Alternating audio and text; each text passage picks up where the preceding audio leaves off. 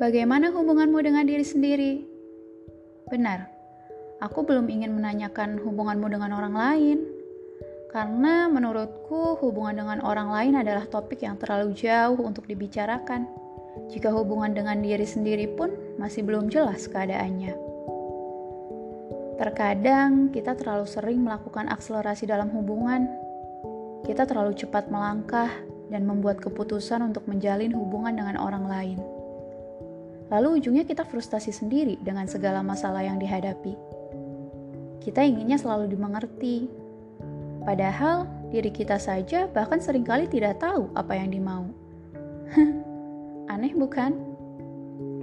Rasanya tidak adil jika kita ingin orang lain menyelesaikan masalah yang ada dalam diri kita. Seseorang hadir dalam hidupmu bukan untuk meladeni segala keinginanmu, dia hadir untuk bertumbuh bersama, untuk saling mengisi pemahaman perihal hidup. Kita semua pernah punya masalah dengan diri sendiri, entah itu tentang memaafkan kegagalan diri sendiri ataupun memaafkan orang lain yang pernah begitu dalam melukai perasaan kita. Pada dasarnya, masalah itu muncul akibat reaksi yang berlebihan terhadap suatu persoalan hidup sehingga akhirnya jiwa kita menjadi sangat tidak stabil. Kamu pasti tahu, masalah kehidupan bisa muncul dari hal apa pun, bahkan hal sederhana seperti ketika kamu gagal dalam ujian matematika, atau ketika kamu menyukai seseorang tapi orang tersebut tidak menyukai kamu. Dalam hidup ini, kekecewaan adalah suatu hal yang biasa tidak memiliki apa yang ingin kamu miliki adalah hal yang sering terjadi. Mungkin kamu pernah melihat kehidupan orang lain yang serba tercukupi. Semua keinginannya bisa dengan mudah dipenuhi. Dia dikelilingi oleh orang-orang yang peduli, perhatian, dan selalu mendukung.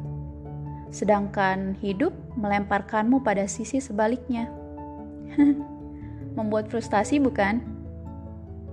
Pada tahap ini, rasanya akan lebih bijak untuk tidak membawa rasa kecewa dan beban pikiranmu melompat menuju kehidupan orang lain.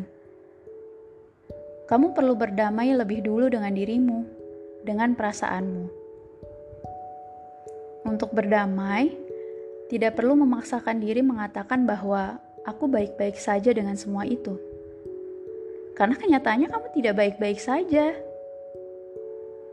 Jadi, Coba untuk melatih dirimu menerima. Menerima bahwa kamu tidak baik-baik saja. Menerima bahwa semua itu membuat kamu frustasi. Terima dulu saja, karena itulah faktanya. Ingatlah bahwa hidup adalah serangkaian kejadian yang di dalamnya manusia tidak selalu mendapat apa yang diharapkan.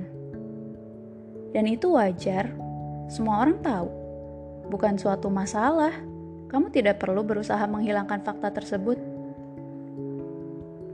Kamu pernah dengar teori sperma?